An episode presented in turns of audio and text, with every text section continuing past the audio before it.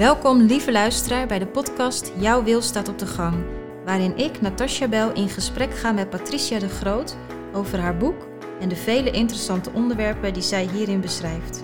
In deze aflevering hebben we het over werkgeluk.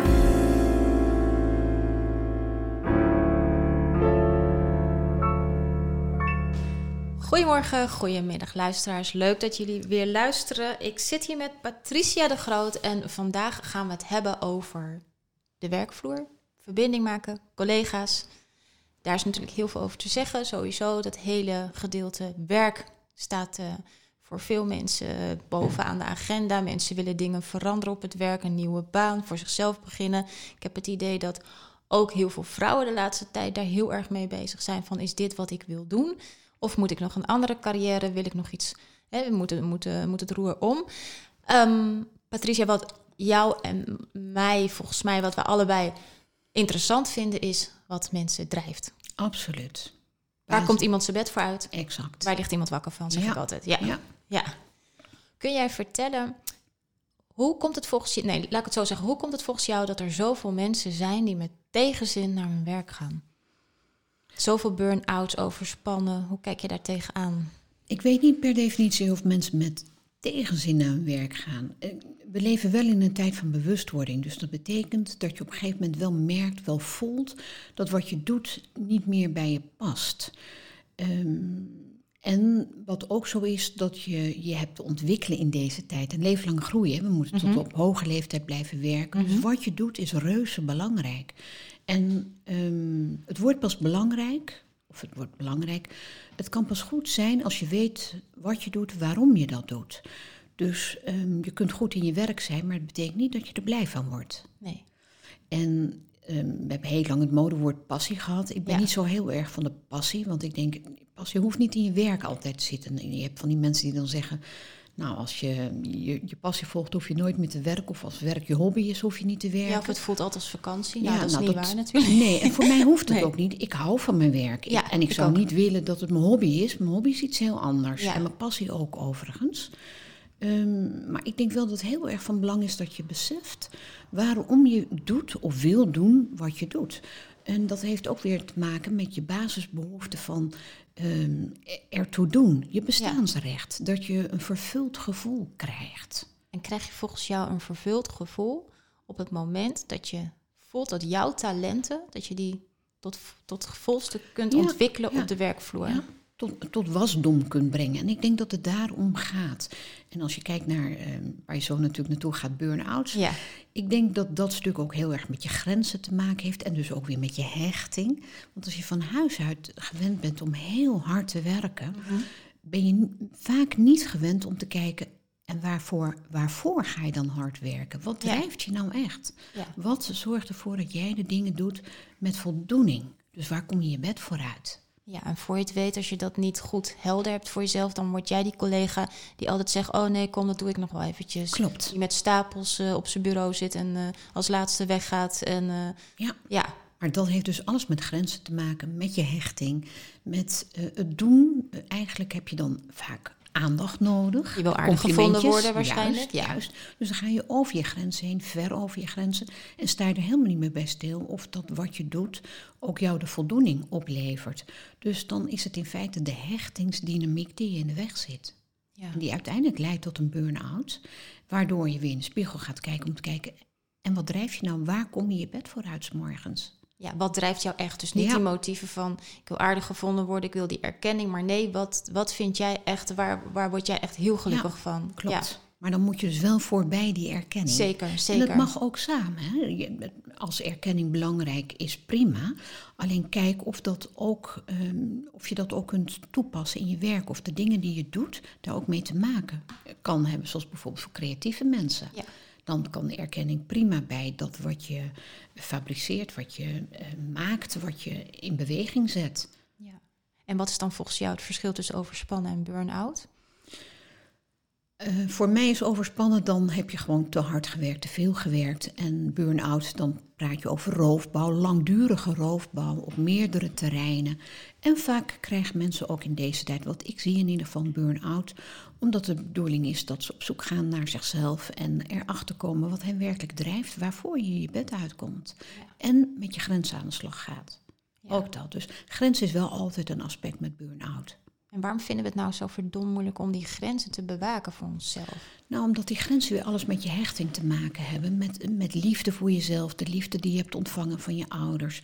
Als je dus gewend bent om daar altijd voor uit te moeten reiken, het niet te krijgen of nauwelijks te krijgen, dat doe je ook in je werk. Te hard werken, over die grenzen gaan, in de hoop dat je van je leidinggevende uiteindelijk die waardering gaat krijgen, die erkenning, die eigenlijk bij je ouders thuis hoort.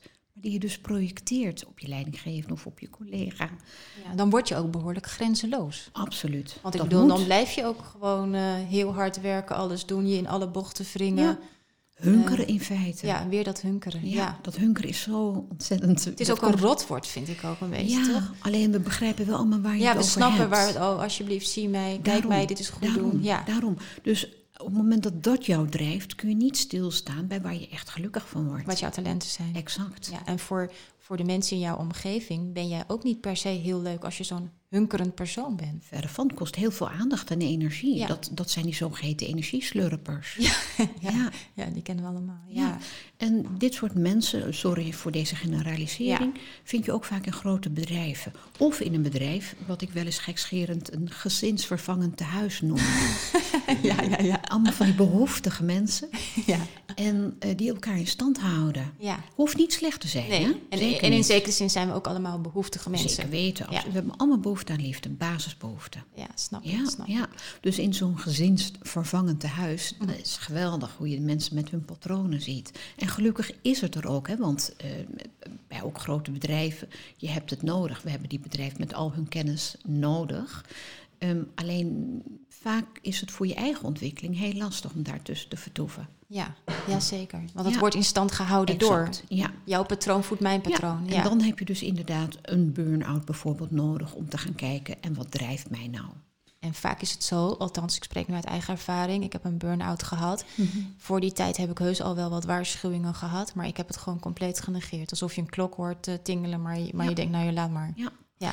Daarom, dus eh, dan is overspannenheid niet voldoende om jou bij de les te brengen en dan ga je verder. En uiteindelijk merk je dat het helemaal niet zo om je werk gaat, maar dat het om jezelf gaat. Om wie jij bent, waar jij vandaan komt. En pas als je dat in kaart gaat brengen, dan kun je wezenlijke stappen zetten. En vaak gaan mensen dan ook andere dingen doen in hun werk. Dan gaan ze zich afvragen, wat zijn dan mijn talenten, wat drijft mij? En gaan ze dan andere dingen doen op de werkvloer die er al is, als daar ruimte voor is? Of gaan ze in gesprek met hun leidinggevende? Of zeg je van, nou, ik zie toch wel heel vaak dat mensen uiteindelijk na ja, een soort periode toch besluiten, hier vind ik het niet, ik ga weg.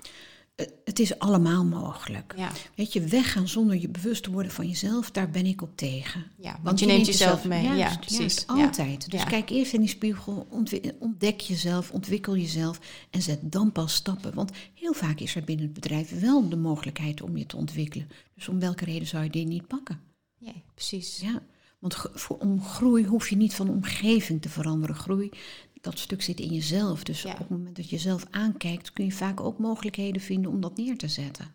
En waarom houden we onszelf dan bewust of onbewust? Ik zeg we, maar dat zeg ik omdat ik het ook herken, zo klein. Wat is er nou, wat dient het ons om onszelf zo klein te houden? Alleen, ik geloof niet dat het je dient. Alleen dat stukje eh, trek ik ook toch altijd weer de lijn terug naar je ouders.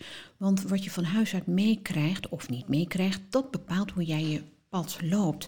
Heb je ouders die uh, jou stimuleren van jongs af aan, heb je grotere kans dat je de benodigde stappen zet. Maar er zijn ook een heleboel ouders die laten kinderen het uh, maar uitzoeken. Mhm. Dus dat betekent dat daar een stukje drive kan missen. En dat kom je later in je werk en leven altijd weer tegen. Dus um, veel vrouwen rond de 42ste, 43ste, als ze het gezin in orde hebben, komen toch achter hun leegte. En op het moment dat ze zich daar bewust van worden en gaan zeggen, eh, waarom heb ik dat nou? Wat, wat zit er waardoor ik, ik heb alles aan de buitenkant en ik ben toch ongelukkig. Ja. Nou, op dat moment is het zaak om te kijken, wat maakt nou deze leegte, wat veroorzaakt het, uh, waar heb je behoefte aan en krijg je niet. En dan heeft het heel vaak toch weer met die liefde, met die hechting te maken, met een onbereikbare ouder, wat je in feite projecteert op je werk, op je werkende leven, op alle mensen om je heen. Dus hoe dan ook, zelfonderzoek is de eerste sleutel. Mooi, heel mooi. Je hebt een boek geschreven, Jouw wil staat op de gang. Een praktische handreiking voor betere relaties en meer levensgeluk. En dus ook de relaties op het werk. Ehm, je geeft in het boek, of volgens mij in het boek, of we hebben het in een gesprek gehad, het voorbeeld van een uh, vrouw die echt snoei en snoeihard werkte. Eigenlijk ook maar weer voor die erkenning van die leidende, leidinggevende. Ja. Dat is natuurlijk toch een gebed zonder eind, of niet? Dat is het zeker. Absoluut. Dus in feite moet je wel eerst vastlopen voordat je de bereidheid hebt, krijgt om te kijken van wat heeft mij hiertoe gedreven? En dan kom je er bijna altijd achter dat het uh, ja, de moederliefde is die je uh, ontbrak. Omdat je bijvoorbeeld uh, een, een, als vrouw zijnde een broer hebt die de golden boy was als eerstgeborene. En dat er geen aandacht voor jou was. Nou, als je dan in een werksituatie terechtkomt waar ook niet alle aandacht op jou gericht is. Dan ga je toch al die kracht inzetten om maar gezien te worden. Maar het vervelende is, je projecteert het op je leidinggevende, maar je behoeftes horen thuis bij je moeder of bij je vader, in dit geval je moeder. Dus zolang je daar niet bewust van bent, reik je uit en je krijgt nooit je behoefte bevredigd. Dus het is logisch dat je eerst die burn-out nodig hebt voordat je wakker wordt. Dat, is, uh, dat is een, ja, ik ben even stil van. Dat is best een heftige les. Want dat betekent dus dat je echt door een rotperiode moet om. Uh, ja. om uh, maar ik snap hem ook, want groei doet ook pijn. Hè? Absoluut. En dat snap ik. Ja. ik kom dit heel erg vaak tegen. Ja. Zowel bij man als vrouw maakt het helemaal niet uit hoor. Want je hebt ook mannen die bijvoorbeeld het tweede geboren in een gezin zijn. En wederom de, de, aandacht voor de oudste. Maakt niet uit, vader of moeder. En zich ook letterlijk altijd nummer twee voelt. En zo'n man werkt ook zo verschrikkelijk hard in het dagelijks leven vindt de meest moeilijke functies uit, bij wijze van spreken. En het is nooit goed genoeg. Ze worden wel veel, heel succesvol daardoor, mhm. dat wel. Dus het dus brengt, ze ook weer wat, ja. brengt je heel veel. Maar het maakt je ook heel leeg van binnen en koud en arm. Ja. En daar klagen hun partners dan weer over. Ja, oh ja, tuurlijk. Ja, zo gaat dat. Tuurlijk, zo gaat dat. Ja. Ehm, jij werkt veel met teams. Ja, dat vind ik heel interessant. Want dan heb je natuurlijk echt, dan is er sprake van een dynamiek. Want dan is er niet één iemand met al zijn patronen en zijn rugzak en zijn bagage. Maar dan heb je misschien 15 of 20 mensen met hun patronen. Ja.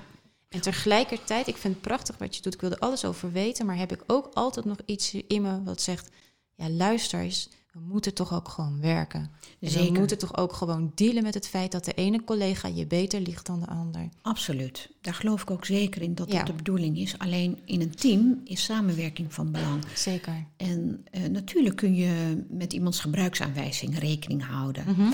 Alleen op het moment dat jouw patroon in het geding komt, heb je helemaal daar geen zin meer in. En dan kun jij knallen en die ander denkt, jeetje, waar gaat het hier over? Dus als je geen bewustwording, bewustzijn hebt over wat, uh, wat patronen kunnen zijn. Kijk, je hoeft niet iemands uh, thuisstuk helemaal te kennen, vanzelfsprekend niet. Alleen op het moment dat je wel beseft dat iemand uh, zijn drijfveer goedkeuring is, kun je geen best op zijn tijd een complimentje geven.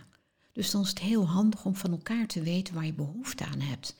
En iemand die heel rationeel is, heeft gewoon even behoefte aan eigen ruimte. Niet continu in een team te zijn. Ehm, in een team is het van belang dat er allemaal verschillende patronen zijn. En het punt is, eh, ze komen pas tot hun recht als je als team zijn ook een stukje inzicht in die patronen hebt. Dus weet wat de ander drijft en daar van tijd tot tijd rekening mee kunt houden. En dat maakt je dan als team effectief. Want als mensen zeggen, ik ben niet zo happy op mijn werk. Nou, we hebben natuurlijk een tijd geleden ook gehad dat mensen ook echt daadwerkelijk gepest worden op het werk. Nou, dat lijkt me maar vreselijk. Maar je bent niet happy op het werk, dan betekent het heel vaak, althans ik vul het nu een beetje in, dat het niet per se is dat je niet happy bent met het werk op zich, maar dat je niet happy bent met de manier van verbinden met je collega's. Klopt, dat is het. Of dat je de verbinding mist. Klopt. Overigens wil ik toch nog even iets over dat pesten zeggen, want mhm. dat kom ik natuurlijk in mijn werk ook regelmatig tegen. Ehm, als een volwassene gepest wordt op het werk, is die in 9 van de 10 keer ook in zijn jeugd gepest. Dus als je niet teruggaat naar waar het vandaan komt, blijft het je overkomen. Je neemt jezelf altijd mee, ongeacht in welke situatie dan ook. Dus het is niet alleen de verantwoordelijkheid van je werk, je werkgever op dat moment, maar ook van jezelf. Maar betekent dit dat ehm, dat jij een pestverleden hebt, dat mensen dat bewijzen van onbewust al voelen of Ja. weten of Ja. weten dat je de pispaal was Ja. of bent. Ik, ik weet niet. Ik denk ook dat kinderen dat ook zo aanvoelen. Op een of andere manier is dat gewoon een soort... Ik geef altijd het voorbeeld zintuig. met honden. Ja, Hoe komt het nou dat de ene hond nooit eh, gebeten wordt, op hem afgestapt wordt of wat dan ook en gewoon door kan lopen en de andere hond direct door andere honden belaagd wordt? ja. Zo gaat het ook met kinderen.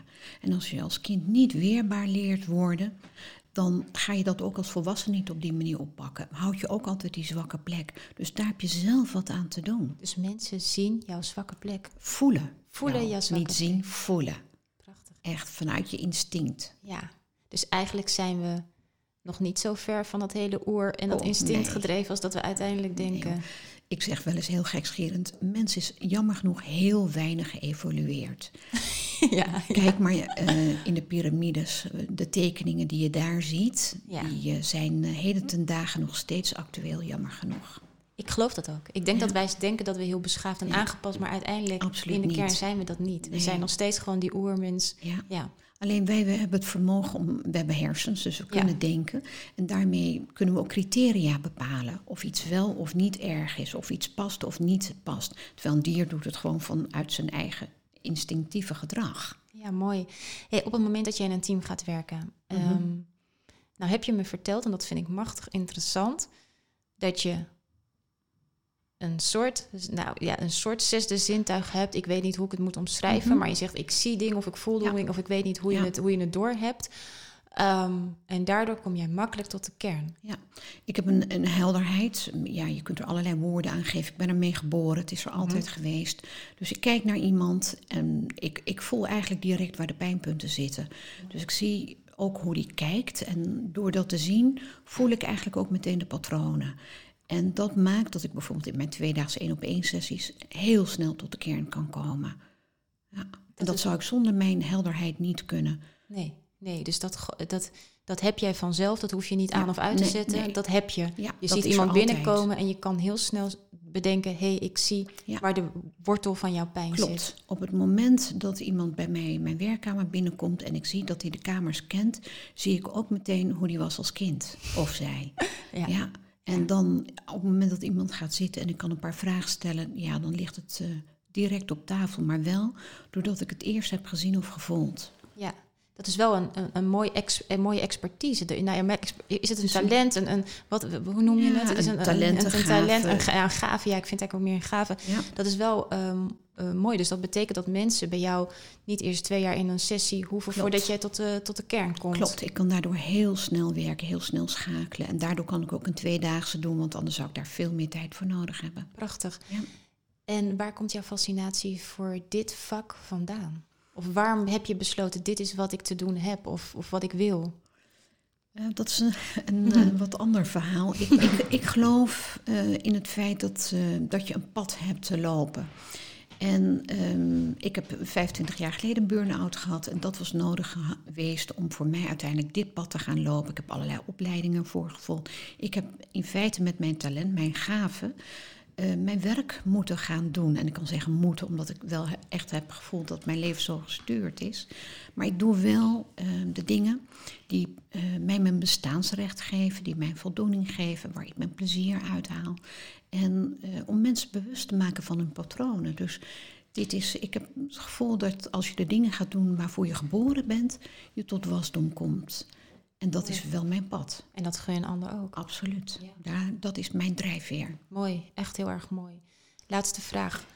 Geloof jij echt dat er iets is, al is het maar een, een soort kracht of whatever, die nu bepaalt dat wij dit doen of dat dit de bedoeling is? Of is, is er een soort van, staat er in een boekje, oh Natasja wordt geboren en dit is haar taak? Nee, maar ik vraag het me wel eens af. Of is het van, ach ja, ze is in het ene baantje gerold en toen kwam ze de ander tegen en toen, zo is het een beetje gelopen. Ik geloof inderdaad in een hoger plan, in een, werkzaam universum. Mooi. Nou, dat vind ik echt hele wijze woorden om deze podcast eh, bij af te sluiten. Super, dankjewel voor je tijd. Heel interessant. Heel Dankjewel. graag gedaan. Dank je, jij ook. Bedankt voor het luisteren.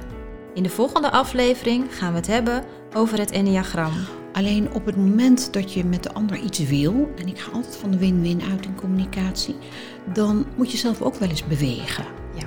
Dus als ik blijf doen zoals ik ben, kan ik niet het resultaat bereiken wat ik graag wil voor mezelf en met die ander. Ben je nieuwsgierig geworden? Kijk dan op de website www.patriciadegroot.nl of koop het boek Jouw wil staat op de gang.